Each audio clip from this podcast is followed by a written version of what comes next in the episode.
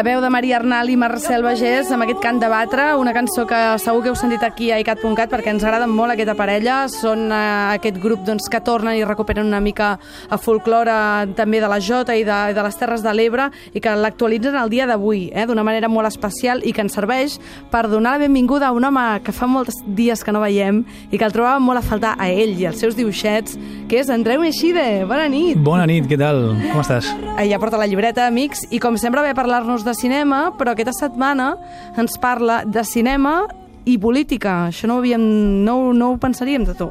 Mm, no ho pensaries de mi? doncs us Sí, tinc molt sí enganyats, llavors penses. estic molt enganyades perquè uh, sí, efectivament, aquesta setmana uh, donat que divendres que ve surt a, les, gran- a la gran pantalla s'estrena Alcaldessa, que és la pel·lícula sobre Ada Colau i, i el moviment polític que hi ha darrere, doncs volíem, Tu volíem portar trobat aquest una tema. excusa per parlar d'aquest tema, de la política, que ha donat molt metratge, molts quilòmetres de metratge, tant en pel·lícules com en sèries, en moltíssimes coses, i ara suposo que Félix Azúa i tota la colla, Maruenda i tal, suposo que a primera fila d'aquest cine per veure el que ells creuen que és una peixatera i que ha arribat a alcaldessa de Barcelona, no? Exacte, jo crec que ells, de fet, eh, la, mm, sembla que es baixaran la pel·lícula, no aniran mm, ni a pagar una entrada al dius? cinema. Sí, sí, són així, aquesta Són gent. així, són són així. punquis del sistema, ells, sí, sí. Exacte. Creative Commons, sí, els els podeu fitxar. Doncs escolta'm, uh, parlem d'aquesta pel·lícula que es podrà veure a partir de la setmana que ve. Doncs aquesta pel·lícula es dirà Alcaldessa de, del director Pau Faust, que és un director de Barcelona, i de Nanook Films, que és una productora petita, però si vols, mira, anem a sentir una mica un fragment de tràiler perquè ens anem posant una mica en òrbita Barcelona en comú. Com ho veus? Ho veig perfecte. ¿Por qué hacen esto si no somos delincuentes? ¡Esta es nuestra casa! que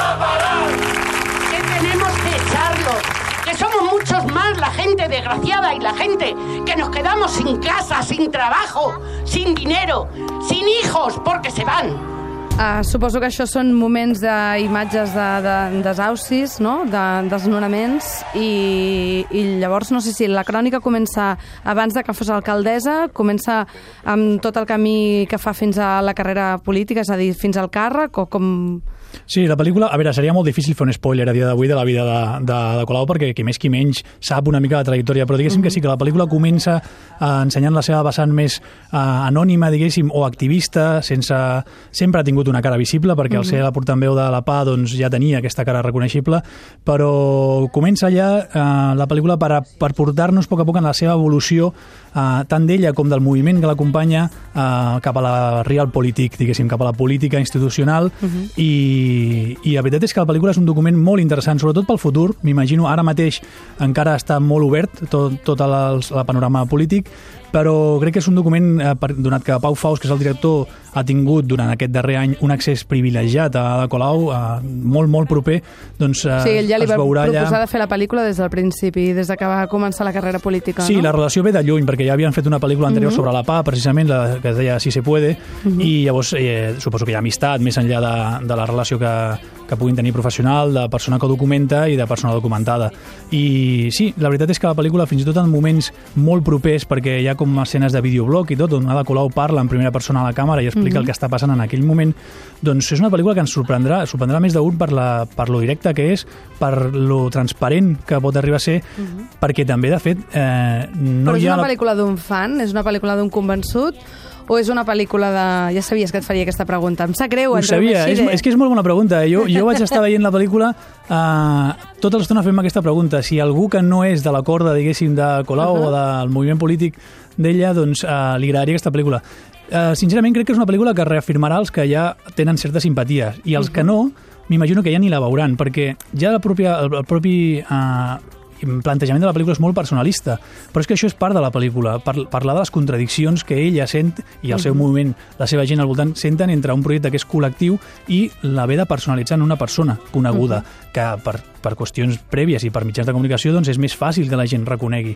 Doncs aquesta pel·lícula crec que el valor, un dels valors que té és que presenta aquesta contradicció en obert i ens planteja de tu a tu, amb la persona que vegi la pel·lícula, aquestes, aquests un- aspectes que no són gens habitual de la vida política. En aquesta pel·lícula Alcaldessa em deies que fins i tot hi ha moments molt íntims o fins i tot que poden ratllar el ridícul, no? Que, que, poden, que per algú eh, fins i tot li poden xocar, oi? Sí, jo no sé si recordarem, per exemple, el moment de la cançó que estem sentint ara mateix, del Run a veure, Run. a veure, el run run. Aquí no, la van endivinar gaire, eh? em sembla. Aquí no la van Bueno, depèn de gaire. qui preguntis, eh? perquè, Sí? de fet, eh, si la voluntat és fer soroll a les xarxes, ho va aconseguir Això sí, bastant. això sí. Eh, el que passa és que els mitjans per aconseguir-ho, clar, eren, eren, no eren gens habituals en la política establerta, diguéssim. Mhm. I això, doncs, és un risc. És un risc que a la pel·lícula mateix també surt com es prenen certes decisions volgudament diferents a com se suposa que s'ha de fer la política establerta, doncs per desmarcar-se una mica de tot allò, amb els riscos que suposa. Aquesta cançó hi ha molta gent que no li va agradar gens i altra gent que creu que és un tema Home, jo el vídeo m'ha semblat matador, però ho dic jo, ho dic jo. Tranquil, Andreu, no et faré dir res que no vulguis. Uh, aquesta pel·lícula d'Alcaldessa es presenta el divendres que ve, dia 27, a les, totes les sales de cinema. Va guanyar un premi al Festival de Màlaga. Sí, va guanyar el I- premi a- al, millor director, juntament amb una altra gran pel·lícula que es diu Paciente, de Jorge Caballero. Mhm. Van ser les dues pel·lícules nominades a, bueno, guardonades amb, amb el millor director. Doncs escolta, pendents d'aquesta alcaldessa, i ara anem a parlar d'una altra pel·lícula que es diu Metamorfosis. Com anem avui, eh, aquest programa? Això és una pel·lícula sobre Colau o sobre el Pablo Iglesias, Anem- sobre Podemos? fem un- això? Doncs mira, és, és curiós perquè fem com una mica la cara B o, o l'altra cara de la pel·lícula que acabem de parlar, d'Alcaldessa. Uh, Metamorfosis, en canvi, és una pel·lícula que parla del mateix context, absolutament del mateix context, d'aquesta creació del moviment polític que arriba a l'Ajuntament de Barcelona, però des de la cara de gent no coneguda, des d'aquells anònims, diguéssim, a través de la- d'una d'aquestes anònimes, de la Laia Forner, doncs s'intenta fer aquest viatge paral·lel al de la persona més coneguda, que seria la, la Ada Colau. Sí, com va viure la gent que estava fent campanya des del principi fins que van aconseguir doncs, l'alcaldia. Exactament. I la Laia Forner ara té un càrrec o no? El té, el té, no sé dir-te exactament quin, però sé que, sé que té, sé que té I un càrrec. Aquesta és una pel·lícula que es pot veure aquests dies al Docs Barcelona, que és aquest uh, Metamorfosis de Manuel Pérez Cáceres. Les has vistes les dues? Per cert, Sí. que no t'he preguntat. Sí. I què? Eh, em, fas, em fas fer l'opinió. Jo crec que les dues Ah, valen... Les per dues això estàs aquí. No, no, ja ho sé, ja ho sé, ja ho sé. Jo crec que les dues valen la pena veure-les. Jo crec que Alcaldessa és un relat més reconeixible per tota la Ahà. ciutadania i, en canvi, el, els matisos que aporta Metamorfosis doncs, són, són interessants eh, perquè se'n van una miqueta més enllà del, del, del tòpic de la persona d'èxit, del cas d'èxit de la persona reconeixible que arriba a alcaldessa, diguéssim. Doncs, escolta, ja tenim la llista feta d'aquestes dues pel·lícules, una que arriba als cines, l'Alcaldessa i la Metamorfosis, que es podrà veure al Docs Barcelona aquest cap de setmana. I anem a parlar de sèries ara, que també no només... Eh, vaja, que n'hi ha moltíssimes. Moltíssimes, No sí. sabríem per on començar, però començarem per Borgen, una danesa.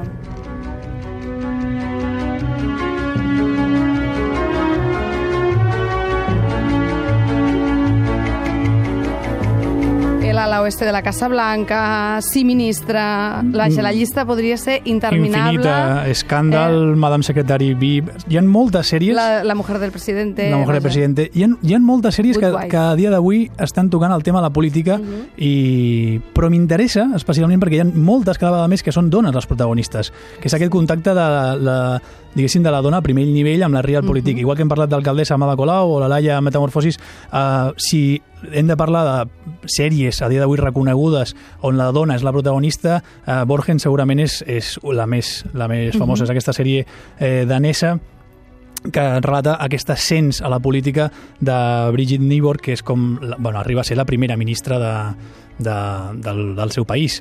És interessantíssim, aquesta sèrie és, és fantàstica, són tres temporades, no es pot perdre ni un dels capítols de les tres temporades, però és molt interessant comprovar com va- la van emetre el 2010 al 2013 i el 2011 va resultar que la realitat va superar la ficció perquè efectivament a Dinamarca eh, va ascendir al, al pri- càrrec de primer ministre una dona, que era Helen Thorning-Smith, com es pronunciï. Uh -huh. I això és molt interessant, perquè aquí veiem que una vegada més la realitat i la ficció no se sap qui va davant d'aquí i qui es trepitja, qui trepitja A aquí. Dinamarca també tenen Mats Mikkelsen, que és aquest senyor que es van menjar en altra gent, eh? Ah, vull dir, també. l'actor, vull dir, el que fa Hannibal. També. Vull dir que vés a saber. Tot el que s'hi cou per allà. Doncs escolta, uh, recomanadíssima Borgen, si no l'heu vista, i evidentment, si hi ha una sèrie de la que hem de parlar per sobre de totes i les, de les que més hem parlat durant, durant aquests últims mesos, anys, és House of Cards.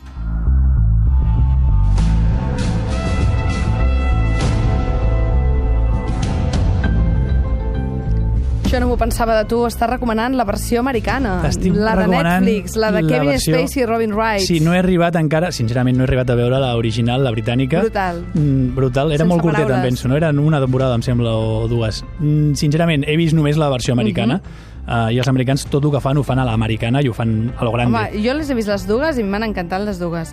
Però clar, quan hi ha actors anglesos Clar, és molt fort. és molt diferent, és una mica diferent, sí. sí. En el cas de Borgen, que hem parlat abans, i si les trames allà de la polit dels polítics són reals, són trames molt humanes que tu entens i que pots, eh, diguéssim, posar-te a la teva pell, són trames de traïció però molt propera, en el cas de House of Cards, qui l'hagi vist i qui no, qui, quan la vegi, veurà que tot això està disparat a mil per hora. És a dir, eh, suposo que els 4 milions d'euros que val cada capítol, que es deixen del seu butxaca Kevin Spacey i companyia, fan que no puguin donar ni un minut de descans i les trames són trepidants torna a ser el mateix. La real política és la política bruta, diguéssim, el, la, la brutícia dels Xantatges. despatxos, els xantatxos, i els xantatges, exacte.